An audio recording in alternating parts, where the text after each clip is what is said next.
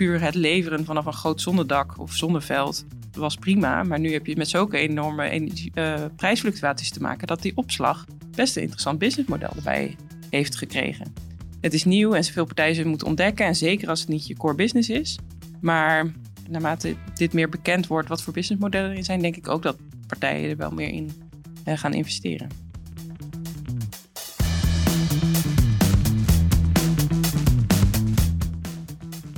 Welkom bij deze alweer derde podcast van TKU Urban Energy in het kader van verduurzaming bedrijventerreinen. Deze podcast worden opgenomen voorafgaande aan de lunchwebinars, waarbij de volgende op 16 februari is.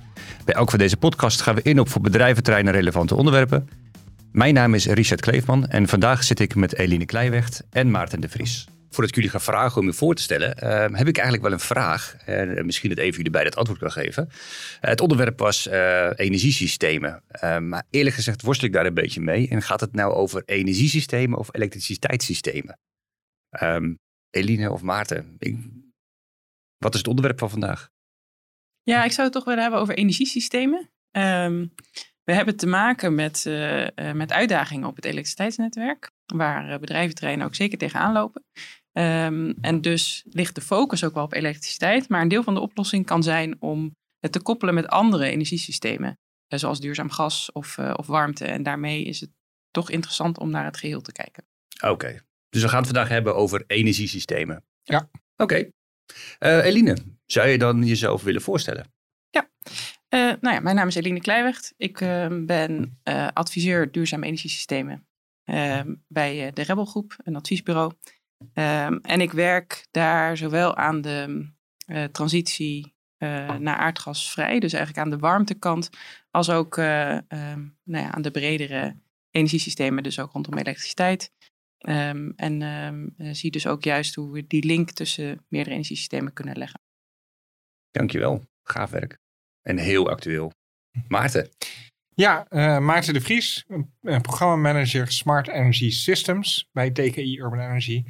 Uh, Smart Energy Systems dat is een, brede term. Uh, dat gaat over slim aansturen, het opslaan van energie, inspelen op vraag en aanbod van energie. Vaak gaat het over elektriciteit, maar niet alleen maar. Um, en mijn rol is ook om ervoor te zorgen dat er innovaties plaatsvinden op dat gebied. Dat er projecten starten, dat innovators elkaar weten te vinden, dat kennis gedeeld wordt soort van uh, smeermiddel voor uh, het innovatieproces uh, in de sector. En um, jullie kennen elkaar? Dat klopt. En um, hoe kennen jullie elkaar? Wij, ehm, wij hebben Rebel een opdracht gegeven, waar Eline onder andere in de uitvoering zit. wij vroegen ons af hoe, we, hoe de sector aan de slag moet gaan met slimme energiesystemen, slimme energiediensten. Uh, vooral ook als je dat collectief wil doen, ja, waar begin je dan? Wat zijn de afwegingen die je moet maken? Wij worden daar ook vaker door benaderd uit de sector, door coöperaties, bestuurders. Uh, en we dachten, laten we dat vraagstuk nou eens nou, proberen tot de kern terug te brengen en uh, bondig en helder op te schrijven. en die opdracht is naar, naar Rebel gegaan. Oké, okay. um, nu heb je het over de sector.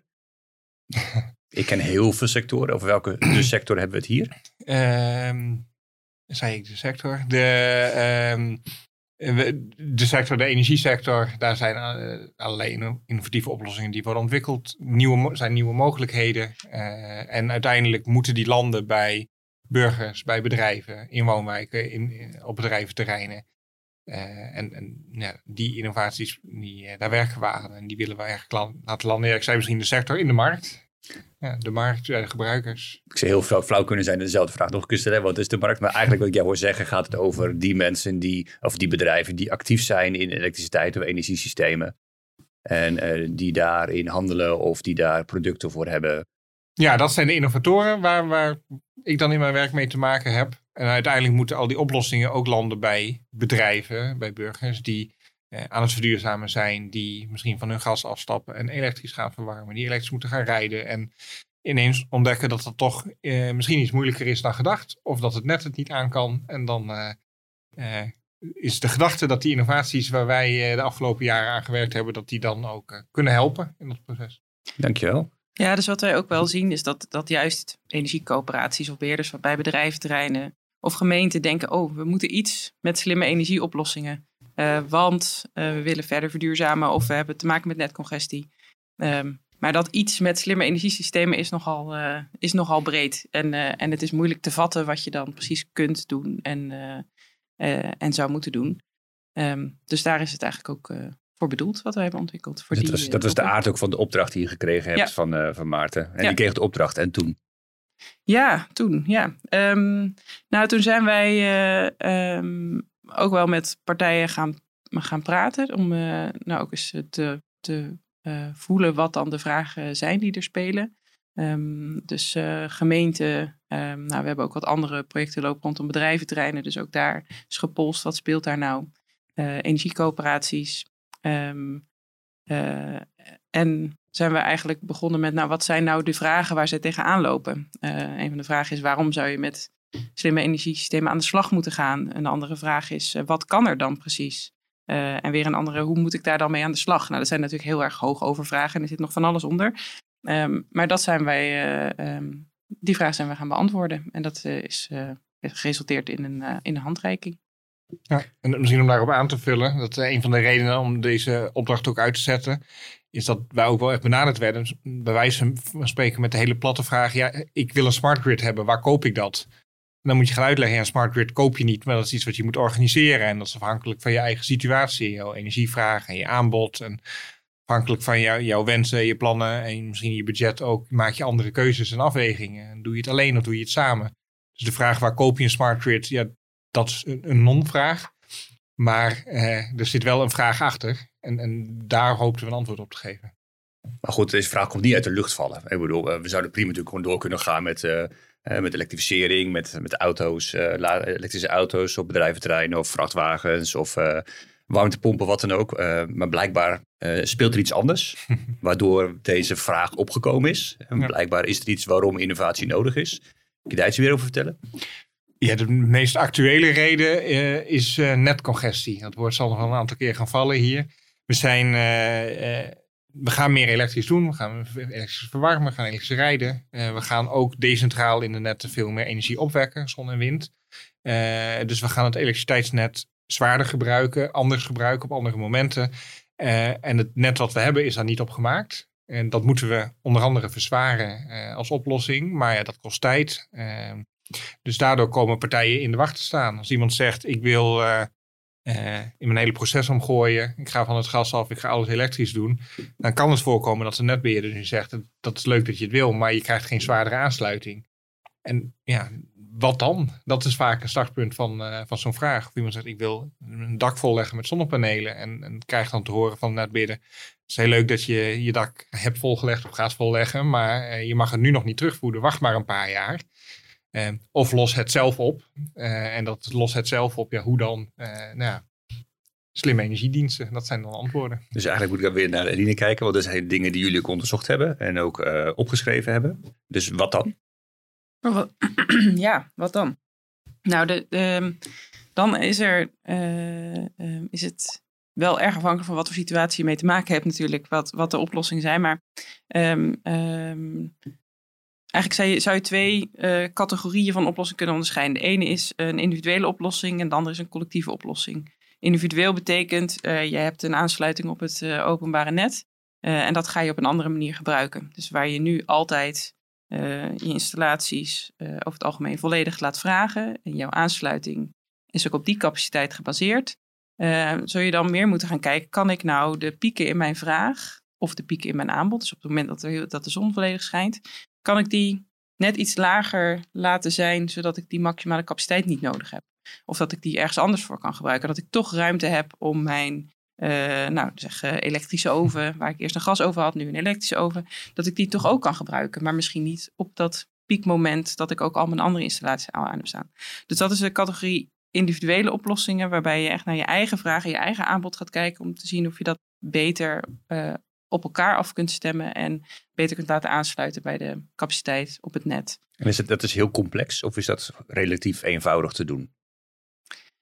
Ehm, het is relatief eenvoudig te doen in vergelijking met de andere categorie, eh, de collectieve oplossingen.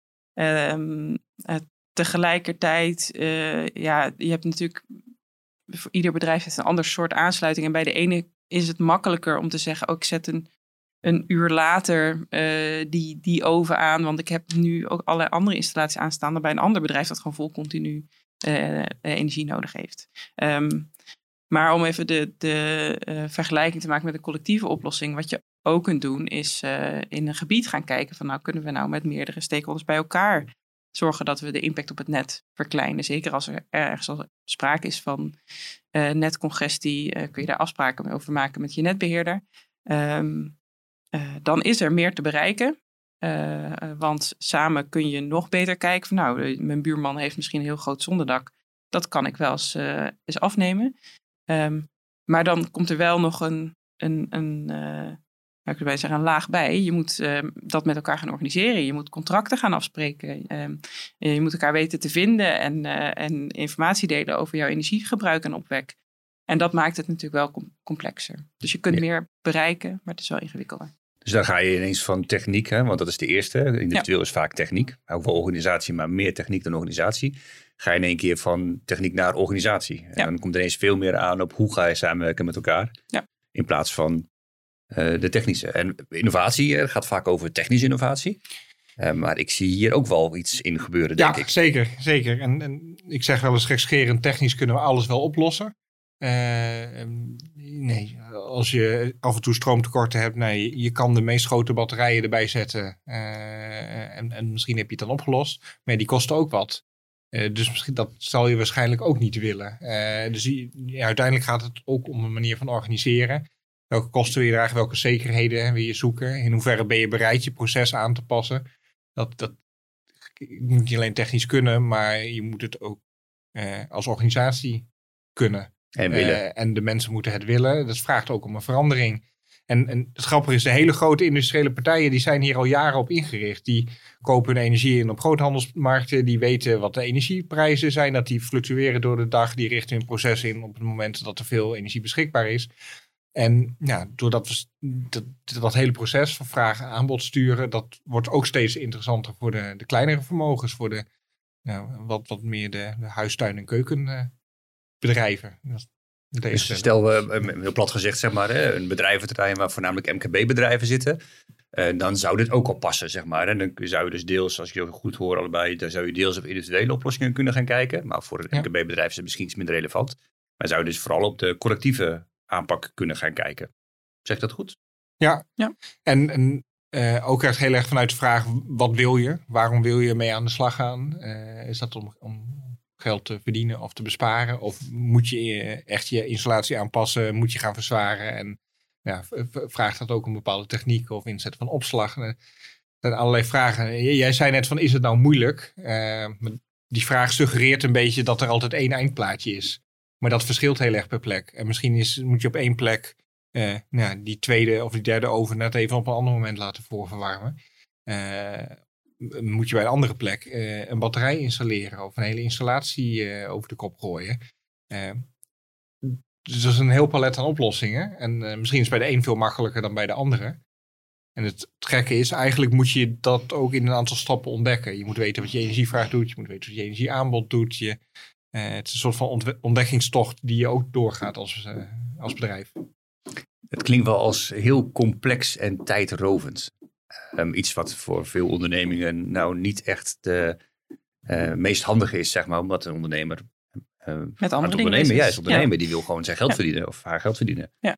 Um, dit zijn dingen die jullie ook onderzocht hebben, denk ik, of ook in het rapport terugkomen. Ja, en wat we ook al zijn tegengekomen is dat um, ja, die ondernemingen zijn inderdaad met andere dingen bezig, gewoon met de dagelijkse business. Uh, en zeker als je met meerdere bedrijven wil gaan samenwerken, nou, dat, dat kost gewoon tijd.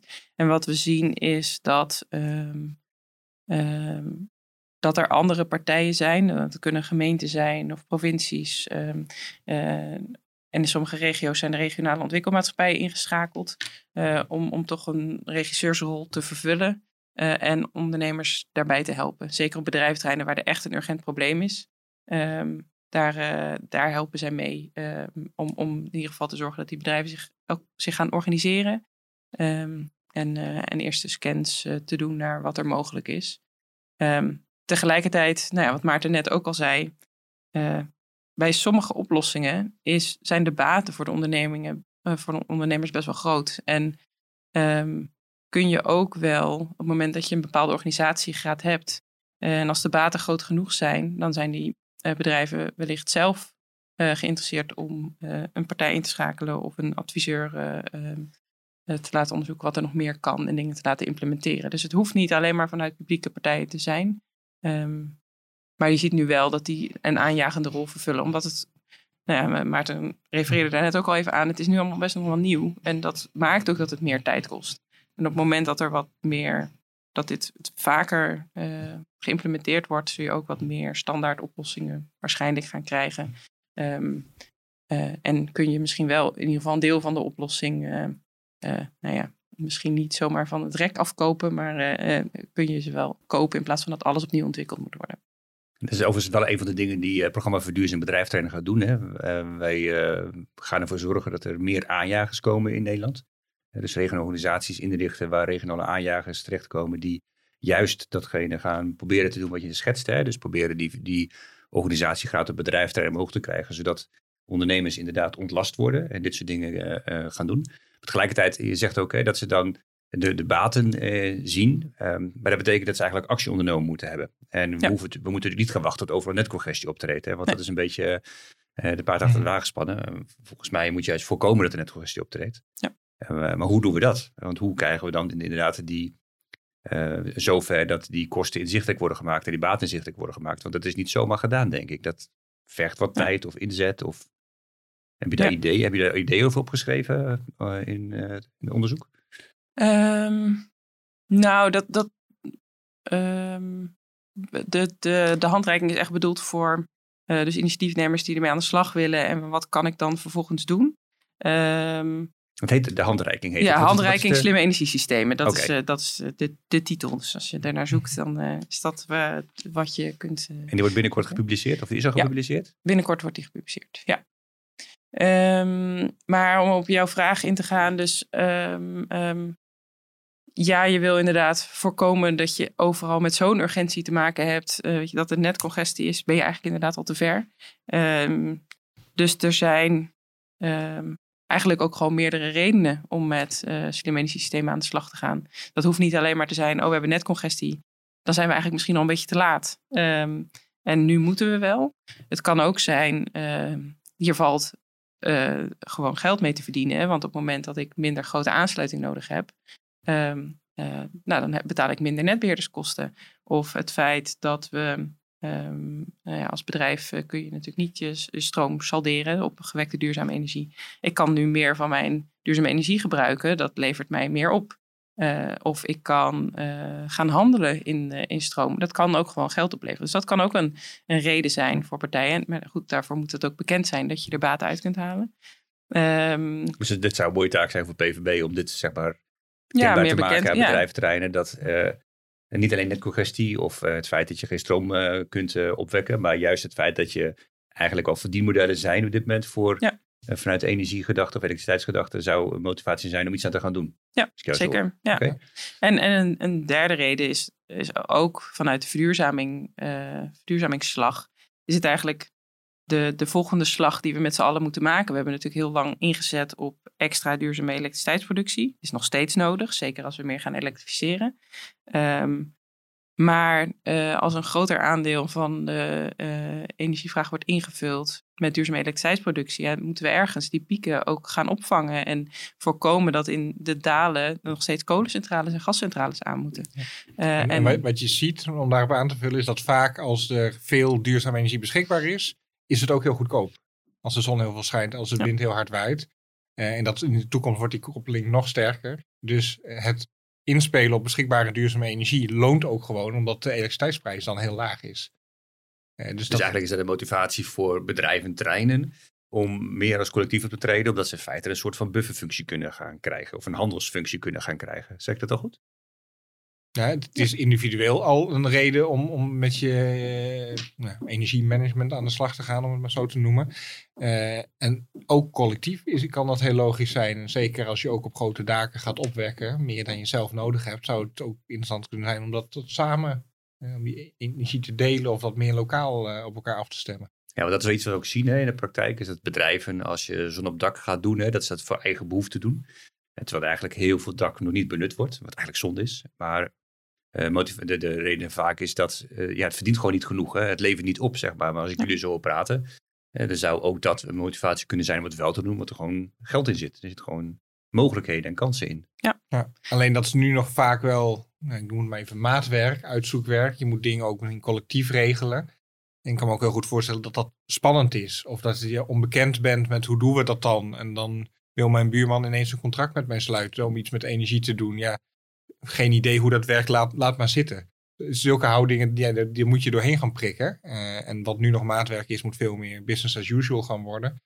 Uh, en ik hoop ook dat, zo'n, ja, dat die mensen daarin kunnen helpen om dat aan te jagen. En toch het energiemanagement als uh, business as usual te maken. Dus slimme energiesystemen gaat vooral over management, energiemanagement. Los van de techniek ook, hè, maar het gaat over energiemanagement. En ja. dat wordt ook opgenomen in het, dat, dit soort tips en trucs staan ook in de handreiking. De stappen die je moet doen en de oplossingen die je kunt gebruiken. Ja, precies. Ja, en, en misschien nog om één ding toe te voegen. Dus er is, um, uh, het is allemaal heel nieuw, maar we zien ook, de, energiemarkt is natuurlijk ook echt veranderd de afgelopen jaren. En, en daar waar het heel lang een vrij constante sector is, zijn er nu uh, nou ja, twee grote ontwikkelingen die heel veel verandering teweeg brengen. En één is uh, dat het net het allemaal niet meer aan kan, de netcongestie. Maar de andere is ook de enorme fluctuaties die je in de energieprijzen ziet. Die ook echt wel maken dat er een ander businessmodel komt. Waar, waar het, het leven vanaf een groot zonnedak of zonneveld was, was prima. Maar nu heb je met zulke enorme energie, prijsfluctuaties te maken dat die opslag best een interessant businessmodel erbij heeft gekregen. en daarom het is nieuw en zoveel partijen zullen moeten ontdekken. En zeker als het niet je core business is.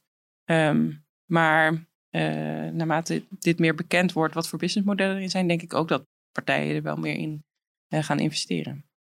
En tegen wat voor soort uh, problemen zijn jullie aangelopen? Wat hebben jullie gezien wat echt wat nog gedaan moet worden of waar nog dingen gedaan wat nog niet klaar is?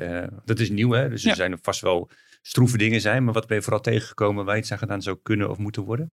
Ja, het is eigenlijk eh, wat jij net ook al noemde, hè, die organisatiegraad van uh, bedrijventerreinen. Dat is echt een lastige, want um, uh, ja, als je, als je al je buurman spreekt of, of de andere bedrijven op een terrein, dan, um, dan gaat dat over hele andere onderwerpen. je zoekt elkaar niet op over energie, maar het gaat dan over veiligheid of zo. Ja, en dat... Is het erg? Uh, nee, het is hartstikke goed dat je met elkaar over veiligheid hebt. Maar er komt wel een onderwerp bij. En dat, vraagt kennis van waar we het over hebben.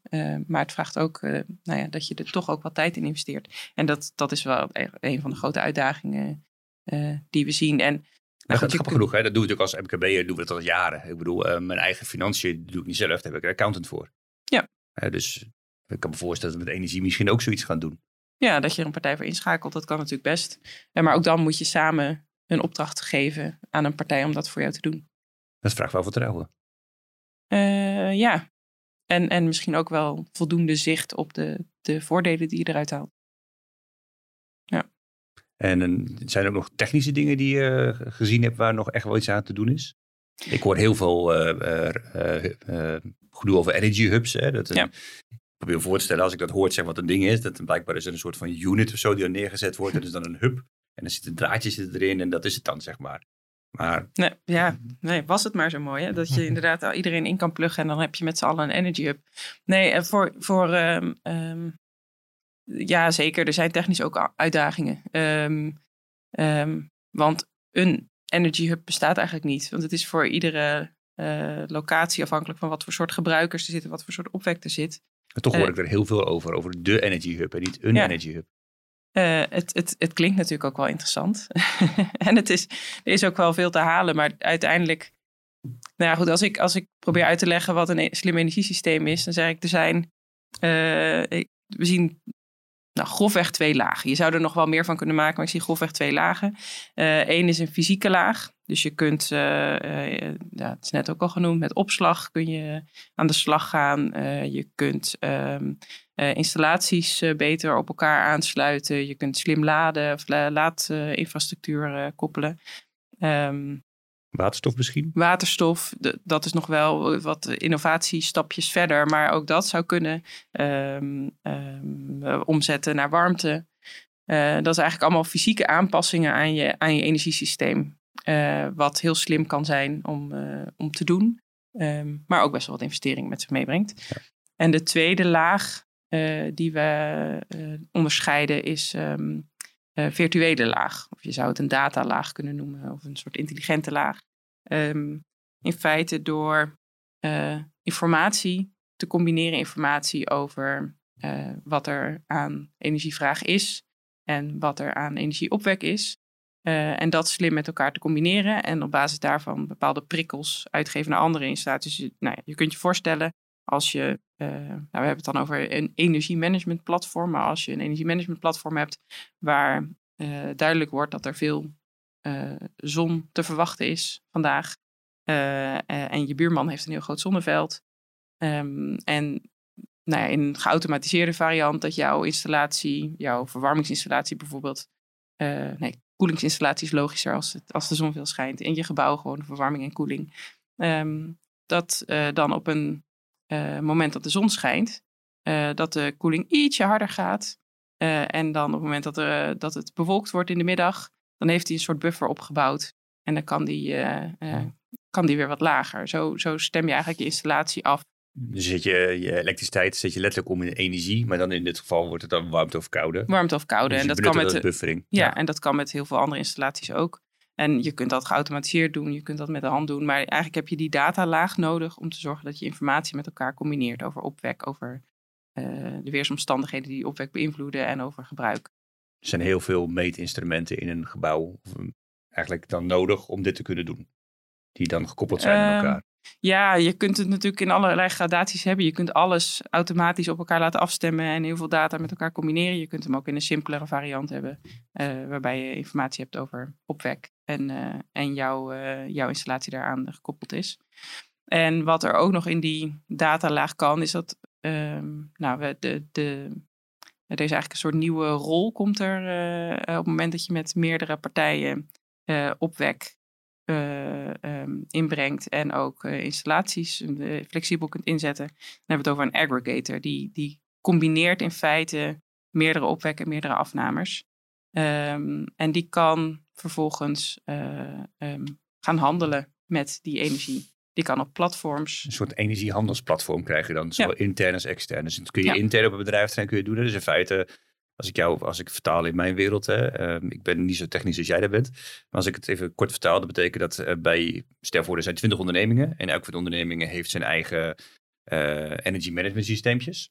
En die zijn gekoppeld aan elkaar bij een één platform. En dat ene platform dat gaat intern voor zorgen dat de stroom verdeeld ja. is of slim gestuurd wordt. Maar dat kan dus ook extern ja. slim verdelen of sturen. Dat is een beetje wat jij zei, Maarten, is dat dan eigenlijk geld verdiend wordt of uh, op slimme momenten dat er uh, stroom duur is of dat het nodig is, zeg maar. Ja. Dat je in feite één het bedrijventerrein één punt heeft waar die stroom verhandeld of verdeeld wordt. Is dat dan één fysiek punt of is dat een virtueel punt? Virtueel punt. Oké. Okay. Ja. En zitten daar nog want ik kan me voorstellen dat er wat dingen ja. zitten die dat niet zomaar geregeld is. Ja, we waren natuurlijk bezig met uitdagingen. Ja, ja, ja. ja, ja gewoon terug. Goed om terug te brengen. Ja, de uh, uh, uitdaging daar is dat dat allemaal nog best wel nieuw is. En er zijn echt wel wat, wat partijen die dit soort systemen aan het ontwikkelen zijn. Maar mag het überhaupt? Is het, is het uh, wet en regeltechnisch mogelijk om het zo te doen? Een partij mag voor jou handelen. Je mag niet altijd zelf handelen. Er zijn allerlei, nou, afhankelijk van op welke markt je dat wil doen, maar zijn er wel um, um, ja, uh, verplichte, verplichtingen om op bepaalde hand, markten te kunnen handelen. Um, ja, soms ook de hoeveelheid vermogen die je beschikbaar kan stellen. Ja, sommige markten moet je gewoon aanzienlijk vermogen hebben wat je ook kan sturen. Nou, misschien heb je dat in je eentje niet en dan is het dus logisch om dat samen te gaan doen. Je, je kan altijd wel inspelen op de, de algemene dynamische energieprijzen. Uh, maar als je er inderdaad slimmer mee wil gaan handelen, nou, dan, dan, moet je ook aan wat voorwaarden voldoen. Er komen er ook nog wat risico's bij kijken, uh, waardoor het misschien ook juist slim is om zo'n aggregator te gebruiken. Maar je kan dus ook op bedrijfterrein zelf zo'n handelsplatform doen. Door bijvoorbeeld, ik kan me voorstellen dat je als bedrijfterrein bezig bent met een handelsplatform en er komt een partij aan die bijvoorbeeld een snellader wil neerzetten. Dat zo'n snellader dan een plek zou kunnen zijn waarmee gehandeld kan worden. Um, dat kan. De vraag is wel wat, wat je. Uh, financieel geeft het niet meteen voordeel als je alleen op je eh, eigen eh, terrein wat energie ja, over en weer aan het verhandelen bent. Dat is vooral administratief. Eh, en de, de, financiële prikkels zitten vooral als je toch de interactie aangaat met dat grotere systeem. Um, maar wat je wel ziet is dat zo'n intern platform kan helpen om gezamenlijk dingen beter van de grond te krijgen. Dus oké, ik heb, heb, een dak, ik ga de zon opleggen. Misschien zou ik nu alleen voor mijn eigen verbruik daar wat neerleggen. En ik wil best extra opwekken en dat verhandelen met mijn buurman. En dan kan je daar afspraken over maken. Oké, via dit platform koop jij die energie van mij in. En dan uh, uh, staat daar een vergoeding tegenover. Het klinkt wel een beetje als hogere wiskunde voor mij. Het is best wel iets wat complex is. Als ik jullie zo hoor. Het is niet zomaar geregeld. Nee, ik denk als je hier niet dagelijks in zit, dan spreekt niet voor zich van, oh, ik koop even een energiemanagement of handelsplatform. Eh, en daarmee is het geregeld. Um, tegelijkertijd dat klinkt dit wel als datgene wat we nodig hebben. Ja, het is wel datgene wat we nodig hebben. En dus in de gebieden met netcongestie, omdat dat best hoge urgentie heeft. En in andere gebieden ook gewoon om, om nou, in de toekomst ons energiesysteem beter te gaan gebruiken. En op een duurzamere manier. Um, en, maar ja, dit maakt inderdaad dat je eigenlijk wel nu uh, nou, die aanjagers nodig hebt om dit voor elkaar te krijgen. En uh, en de kennis in te brengen. Ja. bedenken, je kan het ook zo moeilijk maken als je wil, maar soms kan je ook gewoon heel makkelijk uh, beginnen. Als het puur gaat om uh, af en toe pieken, uh, de, de, energiepieken in je eigen systeem te voorkomen. Nou, misschien kan dat heel makkelijk door een apparaat wat later aan te zetten, of niet twee tegelijk, maar na elkaar. En nou, in veel huizen zijn mensen ook gewend om de wasmachine of de vaatwasser s'nachts aan te zetten als je de daltarieven hebt. Dus dat hoeft helemaal niet met moeilijk geautomatiseerd systeem. Je weet gewoon na 11 uur of 12 uur eh, wissel je van tarief en zet je dan een apparaat aan. Nou, dat is soort van de basis, daar moet je mee wennen. Uh, er zijn best wel wat voorbeelden ook van meer industriële partijen die hiermee aan de slag gingen. Dat, uh, er kwam zo'n aggregator op. Die zei, je kan echt geld verdienen. Moet je je apparaten bij gaan sturen, dat kan ik voor je doen. Nou, dat is doodeng. Ik wil niet dat je, dat je aan mijn knoppen zit. Maar hadden een afspraak gemaakt van je, je krijgt gewoon een sms'je van me. Om deze tijd uh, is de energieprijs heel laag en kan je het best je apparaat aanzetten. Of dan is de energieprijs heel hoog, zet hem dan maar uit. En dat werkt. Zo ging men aan de slag. En zo ging men aan de slag met energiemanagement. En na een tijdje ontdekten ze, oh ja, het is ook allemaal niet zo spannend. We hebben er wat ervaring mee opgedaan. Ik vind het nu prima als die andere partij gewoon dat op afstand bedient. En uh, daar hoef ik echt niet meer tussen te zitten. Dus dan ga je stapsgewijs ook uitbreiden uh, wat je kan doen. Dank voor handelingsperspectief, Maarten. ik, daar wilde ik net naartoe gaan, want ik ben ook wel geïnteresseerd inderdaad. Hè, dit is een van de eerste stappen die je kunt doen. Maar uh, als er een, een, handreiking is, dat betekent dat je bij nul begint en dat je ergens eindigt. Uh, dus inderdaad, uh, simpele oplossingen, simpele richtingen, op eenvoudige, snel in te implementeren. Zijn er nog meer van dat soort voorbeelden te noemen die je als ondernemer kunt doen op een bedrijventerrein? Ja, zon op dak hoorde ik al. Dat is Eigenlijk ja. heel logisch. Maar... Ik, ik, heb misschien nog wel een toevoeging. Dat, uh, we zien nu dat veel bedrijven ook laadpalen gaan neerzetten. Veel hadden er al wel één of twee voor die, die externe partij die met een elektrische auto kwam. Maar als we toch naar een situatie gaan dat ook al je personeel elektrisch gaat rijden, uh, heb je meer laadpalen nodig. En we zien dat er nu vaak laadpleinen worden neergezet bij zo'n kantoor. Dan heb je 10, 20, 30, weet ik veel hoeveel laadpunten bij elkaar. Uh, eigenlijk het hele parkeerterrein kan dan laden. En de, het beschikbare vermogen wordt verdeeld over de auto's.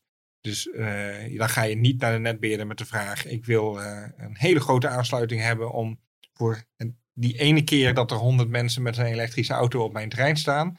Uh, je vraagt een kleinere aansluiting en je verdeelt gewoon het beschikbare vermogen over de auto's die zijn aangesloten. En als er 10 auto's staan, dan kunnen ze wat harder laden dan wanneer er 50 auto's staan. Um, maar is het ook gelijk sim als je het toch doet om zo gelijk zo te maken, je ook gelijk terug kunt leveren?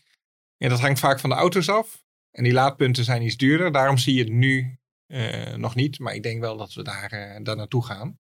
Uh, maar nu zit al in dat laadplein vaak gewoon die functionaliteit standaard in. Dat je dat vermogen verdeelt. En niet dat als iedereen inplucht en vol vermogen vraagt. Dat je nou, zoveel van het net vraagt. Of dat je nou, je stoppen eruit knallen. Misschien slimmer om als bedrijventrein dan gelijk te gaan naar, naar een, een, een, een laadsysteem met meerdere bedrijven. Uh, dat hangt van het terrein af, denk ik. En, en misschien is dat voor logistiek veel interessanter uh, dan voor je eigen personeel, waarvoor je toch al een parkeerplek hebt.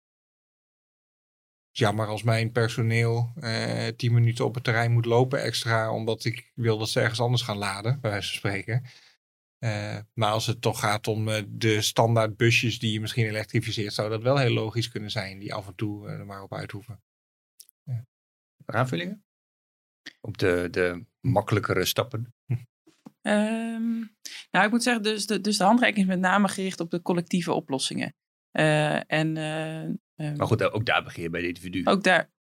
ehm, ja, begin je bij het individu. Je begint eigenlijk bij samen zoeken naar wat, eh, wat probeer je te bereiken. En eh, dat- heeft te maken met wat je als, als individueel bedrijf aan, eh, waar je aan knelpunten tegenaan loopt. Het kan ook zijn dat je als bedrijventerrein een, eh, of, eh, ehm, eh, nou, meerdere doelen wil nastreven. Dat je ook een upgrade van het terrein wil. Misschien je ook wel vergroening. Dat je samen gaat kijken naar wat willen we hier nou gaan doen. Ehm, en, en één daarvan is ook met ons energiesysteem aan de slag. Want we moeten of we zien dat het in de toekomst gaat moeten. Ehm, dus, dus daar begint eigenlijk het, het stappenplan dat wij beschrijven. Van uh, ga met elkaar in gesprek over waar loop je misschien al echt tegenaan. Wil je een grotere aansluiting die je niet kan krijgen? Eh, oh, misschien heeft je buurman eh, inderdaad wel zonnestroom over. En eh, ehm, ehm, nou ja, kun je daar slimme oplossingen, combinaties mee gaan, eh, gaan maken. Ehm, of zie je ook dat nou ja, op het moment dat je echt met netcongestie te maken hebt, dan zul je ook met de netbeheerder in gesprek moeten. Eh, en ook dat kun je beter als collectief doen dan als individuele partij. Want dan eh, krijg je ook meer, eh, meer voor elkaar, meer, meer mogelijkheden. Ik begrijp ook dat de netbeheerders vooral op zoek zijn naar een standaard contractvorm. Ik had ook begrepen dat die inmiddels ontwikkeld gaat worden. Eh, en, eh, ehm, volgens mij zijn InvestNL en EZK hebben bezig eh, om een, een standaard contractvorm aan te bieden. Zodat Ja. netbeheerders en collectieven makkelijker aan de gang kunnen. Ja, en e- eerder zijn er al wel ook standaard contracten ontwikkeld, bijvoorbeeld voor eh cable pooling, zoals dat dan in mooi Nederlands heet. Waar dat je gaat kijken van kun je bijvoorbeeld een zon en een wind op één aansluiting doen. Kan je samen de aansluiting delen. Ja, en dan moet je wel de rechten en de plichten en de zekerheden en de euro's met elkaar afstemmen. Daar zijn standaard contracten voor ontwikkeld. En nou, cable pooling is al één, nou, twee aansluiten of twee, twee apparaten die je wil aansluiten op één aansluiting. Nou, de Energy Hub gaat misschien weer een stap verder. Je wil meer partijen in het collectief trekken. Misschien meer varianten van opwek, meer knoppen waar je aan kan draaien, misschien nog iets met opslag. En de situatie wordt complexer en daar wil je ook iets van contractvormen eh, bij hebben, zodat je heel logisch met je buurman afspraken kan maken. En wat heel handig is aan standaardcontracten, is dat dat ook zekerheid geeft. Van oké, blijkbaar is dit een standaard contract. Dus als wij deze zaken met elkaar weten, eh, ja, overeenstemming weten te bereiken, dan zal het ook wel geregeld zijn.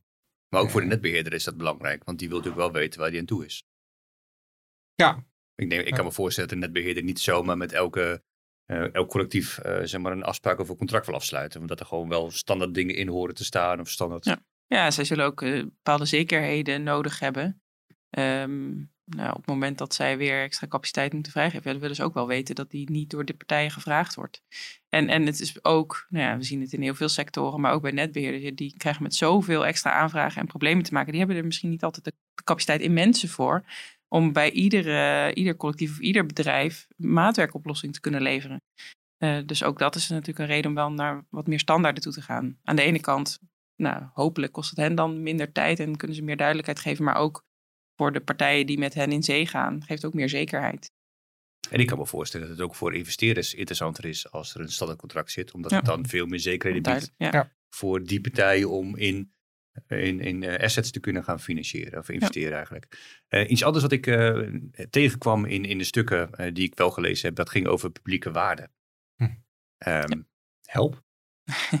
Ja, misschien kan jij zo de invulling dan, dan toelichten. Eh, dit was een van de dingen die wij eh, eigenlijk meegegeven hebben aan de opdracht aan Rebel. Want we zeiden, ehm, ja, er wordt heel erg gefocust op techniek, maar eh, er is ook iets dat een publieke waarde genoemd. Als je met elkaar dingen gaat afspreken, gaat regelen, contracten gaat sluiten, datastromen gaan lopen. Ja, hoe, hoe doen we dat dan op een, een, wenselijke manier? En misschien is een, voorbeeld heel handig. Stel, ik huur een, een of ander bedrijf in, die kan helpen met energiemanagement.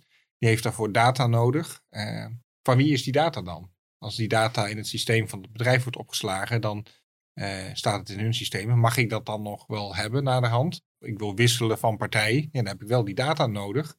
Om te weten hoe het de afgelopen jaren ging. Geven ze die dan wel? Of creëer je een soort van lock-in situatie? Zit je voor eeuwig vast aan die ene partij die je gekozen hebt? Nou, en zo zijn er denk ik meer vraagstukken. Misschien ook wel rondom cybersecurity. Um, uh, waarvan we zeiden, ja, volgens mij moet je hier oog voor hebben als je ermee aan de slag gaat. En ons vraag aan Rebel was dan ook, ja, ehm, ehm, welke publieke waarden zijn nou relevant en eh, ehm, hoe neem je die nou mee als je aan de slag gaat met slimme energiediensten? En wat was erop het antwoord? nou, we hebben de, de, de rol van publieke waarden eigenlijk, nou, als je hiermee aan de slag gaat, zou dat continu uh, ook je aandacht moeten hebben. Het gaat aan de ene kant over waarden die je probeert te bereiken. Uh, dat kan zijn, we willen met z'n allen duurzamer worden. Um, um, of we willen dat energie betaalbaarder wordt. En dus dat is eigenlijk een soort je, je doelen. Dat zijn waarden. Maar je hebt ook waarden die je, waarvan je wil dat ze niet in het geding komen. Dat is wat Maarten net ook zegt. Nou ja, dan gaat een partij met jouw data aan de gang. Uh, wil je dat wel en wat gebeurt daarmee? dus het uh, gaat over dataveiligheid, cybersecurity, uh, over privacy. Dat zijn waarden die je wil borgen. Um, en, en dan heb je vervolgens ook nog iets als proceswaarde. Wat wil je dat je met elkaar afspreekt? Wil je dat iedereen altijd volledig instemming kan hebben? Dus die, die drie waarden onderscheiden we. Uh, dat hebben we ze niet zelf bedacht, dat moet ik ook eerlijk bij zeggen. Dat komt van de Club van Wageningen, wat een uh, verandernetwerk uh, is. Um, die hebben daar ook allerlei gesprekken met partijen over gevoerd. Um, nou, en eigenlijk wat wij zeggen, die zou aan het begin van je traject samen met met de partij met wie je samen gaat werken stil moet staan. Wat willen we nou? Wat willen we bereiken? Dus wat zijn die waarden die we nastreven, streefwaarden? Maar ook wat zijn waarden die hiermee uh, in het geding kunnen komen? En hoe zorgen we er in ons systeem voor uh, dat we die kunnen borgen? Dus nou, bij wie leggen we inderdaad het eigendom van, van de data op zo'n manier? Ehm, dat we wel dat het veilig blijft. En dat we um, zeker weten dat, dat bedrijfsgevoelige informatie dat dat niet zomaar gedeeld wordt. Dus zo kun je in je, door daar al op een vroeg moment bij stil te staan, kun je, in je ook in je systeemkeuzes en in eisen die je aan marktpartijen bijvoorbeeld meegeeft. Als je, zo je gaat een marktpartij vragen, kun je dit systeem voor mij ontwikkelen, maar ik wil wel dat die data in mijn eigendom blijft. Dus door daar vroeg bij stil te staan, kun je dat nog in je systeem meenemen. En hebben jullie ook handvatten voor in de, uh, in de handreiking? Ja, eigenlijk de momenten waarop je hierover na moet denken. Um, en welke waarden je dan over na kunt denken. Dit is, uh, het onderzoek is nu klaar, hè? tenminste dit ja. onderzoek. Um, ik neem aan dat jullie niet klaar zijn. Ik neem dit, uh, als, ik, als ik hoor, het is nieuw, uh, er gebeurt heel veel. dit is natuurlijk een ontwikkeling. Um, um, dit is nu voor nu afgerond. Ja. Alles wat nieuw is, verandert. Dus vraag aan Maarten, wat zie jij op ons afkomen op dit gebied? En de volgende vraag aan jou is, wat zie je vanuit wat jullie doen zijn afkomen op dit onderwerp en wat ga je ermee doen? Dus eerst Maarten. Ja, Kijk, dat is een goede vraag. Um, uh, ik denk dat de handreiking die vertelt vooral uh, hoe ziet het proces eruit, welke stappen zijn er, waar moet je rekening mee houden. Ondertussen worden de technieken steeds beter. Uh, enerzijds, ja, ik zeg alweer technieken, dus dat gaat om opslagsystemen die misschien goedkoper worden door voortdurende verbetering. Software die slimmer wordt, die misschien meer oog houdt met de wensen van de gebruikers. Uh, daar zien we toch een continue ontwikkeling in. Uh, wij zien binnen de topsector de afgelopen jaar heel veel aandacht ook naar niet-technische innovatie. Dus uh, de interactie met de gebruikers. Hoe betrek je die nou in het, doen van energiemanagement? In hoeverre mag je ontzorgen? In hoeverre willen ze zelf nog aan de knoppen kunnen zitten? Um, om ook zo de producten en de concepten te maken dat mensen gaat omarmen uiteindelijk. Dat men er niet bang voor wordt en, en, en ze gaat weigeren. Uh, maar ze juist gaan omarmen. Daar gebeurt veel op. Uh, en ik zie heel veel gebeuren nu echt op het gebied van die collectieve diensten. Um, cable pooling is de afgelopen jaren, heeft het al heel snel heel wat stappen gezet. Uh, maar nu ja, energiehubs, nou, er zijn meerdere innovatieprojecten die daarop lopen. Die blauwdrukken ontwikkelen voor energiehubs. ja, die komt Daar bedoel je standaard aanpak, een blauwdruk. Een standaard aanpak. Ja. En ja, zijn net al, er is niet zoiets als de energiehub. Het is altijd een energiehub, maar misschien kan je wel een aantal varianten onderscheiden. Een aantal logische varianten voor bedrijfsterreinen, andere voor in, in verder woonwijken of juist meer op industriële gebieden. En dat je daar met een duidelijkere aanpak komt van hoe werkt dat dan, uh, wat voor afspraken leg je daaronder. op dat gebied gebeurt nu ook heel veel. Ehm, en waar ik heel veel stappen verwacht in de komende jaren is rondom het logistiek laden. Want ja, we, we gaan elektrificeren, we hadden het erover, we gaan van het gas af. Ehm, maar we gaan ook elektrisch rijden. En op al die bedrijventerreinen komen vrachtwagens. Uh, heb je logistieke centra, die moeten daar laden. Normaal haalden die hun energie gewoon langs de snelweg bij een benzinepomp. Of een, dieselpomp in hun geval. Uh, en nu gaan we die energievraag ineens op die bedrijventerreinen doen. Dat is een gigantische energievraag. En um, dat moet je op een of andere manier managen. Maar ja, met personenauto's hebben we wel heel veel innovatie gehad. Dat we zeiden, ja, je hoeft niet meteen te laden als je inplugt s'avonds om vijf uur. Dat kan ook s'nachts, kan je uitsmeren. Maar bij de logistiek betekent stilstaan vaak eh, dat het geld kost. Want die wagens moeten op de weg zijn. Um, dus in hoeverre kan je daar het energieprofiel sturen? Um, en wat kost het of wat levert het op als je dat wel of niet gaat doen? Uh, hoe zorg je ook voor zekerheden um, dat als je daar met je truck aankomt, dat dat vermogen er is? Uh, het is grappig dat je dan vanuit techniek al heel snel weer in organisatorische vraagstukken uh, terechtkomt, waar echt nog ja, onderzoek nodig is. Dat zijn zo wat, thema's waar, uh, nou, waar veel op gebeurt en waar ik ook nog echt wel meer stappen verwacht. En is dat een voorbeeldonderzoek wat je wil gaan uitzetten? Wat daarover gaat? Dat er dus een crossover tussen wat jij doet en wat binnen logistiek gebeurt? Uh, ja, er gaat een, uh, in samenwerking met onder andere Rijkswaterstaat, gaat er uh, in de komende jaren een aantal living labs neergezet worden rondom heavy duty laadinfrastructuur. Uh, hoop jargon in één uh, zin. Um, maar wat het concreet betekent is dat we op een aantal plekken echt laadinfra voor zware voertuigen neer gaan zetten en ook gaan leren hoe werkt dat nou in de praktijk. Er wordt natuurlijk al nu best wel wat gerealiseerd, maar dan ook wat complexere vormen, misschien met meerdere gebruikers op één plek. En dat we echt gaan leren hoe werkt het dan en hoe kunnen we dat verder uh, opschalen. Dat is een van, van de dingen die we gaan doen. Uh, en ik verwacht zeker op die ja, crossover energie en mobiliteit nog wel uh, echt de nodige ontwikkelingen de komende jaren. We zien gewoon dat de sector daarvoor warm loopt. Ja. Dat die komen met, met innovatieprojecten, dat die subsidiemiddelen vragen. Zie ook een mooie kans voor openbaar vervoerconcessies. Ja, bij dat tezijde.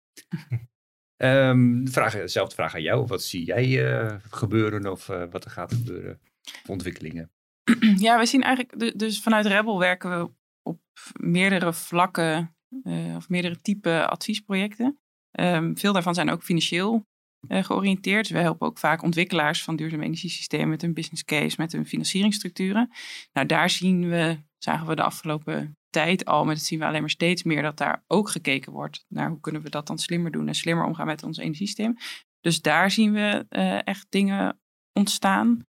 Um, ander soort advieswerk dat we doen, wat meer op strategisch vlak ligt, uh, gaat dan bijvoorbeeld over nou, hoe, hoe ga je, als je met meerdere partijen hiermee samen aan de slag gaat, hoe ga je dat dan organiseren? Wat voor governance modellen komen daarbij kijken en ook wat voor financieringsvormen passen daar dan bij? Um, dus nou ja, dus in dat soort werk zien we dat, zien we dat eigenlijk ook al uh, zien we dat ontstaan. En ook daarin ook met de, de link met, uh, met laadinfrastructuur. En, uh, hoe, nou, hoe gaat dat zich ontwikkelen? En kun je dat niet alleen nou, vanuit de mobiliteit is natuurlijk, er moet zoveel mogelijk laadinfrastructuur komen. Maar dan is vervolgens de vraag, kun je dat dan ook slim afstemmen op het, op het elektriciteitssysteem? omdat het anders niet past of in de toekomst niet gaat passen. Dus um, nou, zijn zat vragen die, eh, die we zien komen.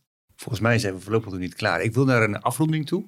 Uh, we kunnen hier nog heel lang over blijven praten, denk ik. Want ik heb allemaal vragen in mijn hoofd zitten die voor jullie relevant kunnen zijn. En overigens voor de bedrijven daar ook relevant kunnen zijn. Maar dat doen we voor de volgende keer. We gaan zeker nog een keer met elkaar aan tafel zitten. Um, ik wil jullie nu alvast even bedanken voor dit vind ik erg fijne gesprek. Um, en ik wil uh, zowel Maarten als Eddie nog even vragen met een laatste quote of oproep uh, te komen uh, aan de luisteraars. Maarten, jij als eerste. Ja. Wat ik zou willen meegeven dan, ehm, is we hebben het over best wel complexe systemen, over slimme energiediensten. En heel vaak valt dan het woord netcongestie. maar netcongestie is niet de enige reden om hiermee aan de slag te gaan. Ehm, we gaan doen dit niet alleen omdat de netbeheerder zo zielig is en het moeilijk heeft met het verzwaren van de netten. Um, slim energie managen in je proces, dat is gewoon, dat, dat wordt het nieuwe normaal. En de grote industrie doet dat al jaren. En ook de kleinere bedrijven moeten dat uh, daar uiteindelijk in mee. En ik zeg moeten, maar dit is gewoon de kans om op kosten te besparen. Om je energie te gebruiken als het goedkoop is en niet te gebruiken als het duur is. En dat klinkt complex, maar het levert veel op en ja, het wordt een nieuwe normaal. Dankjewel.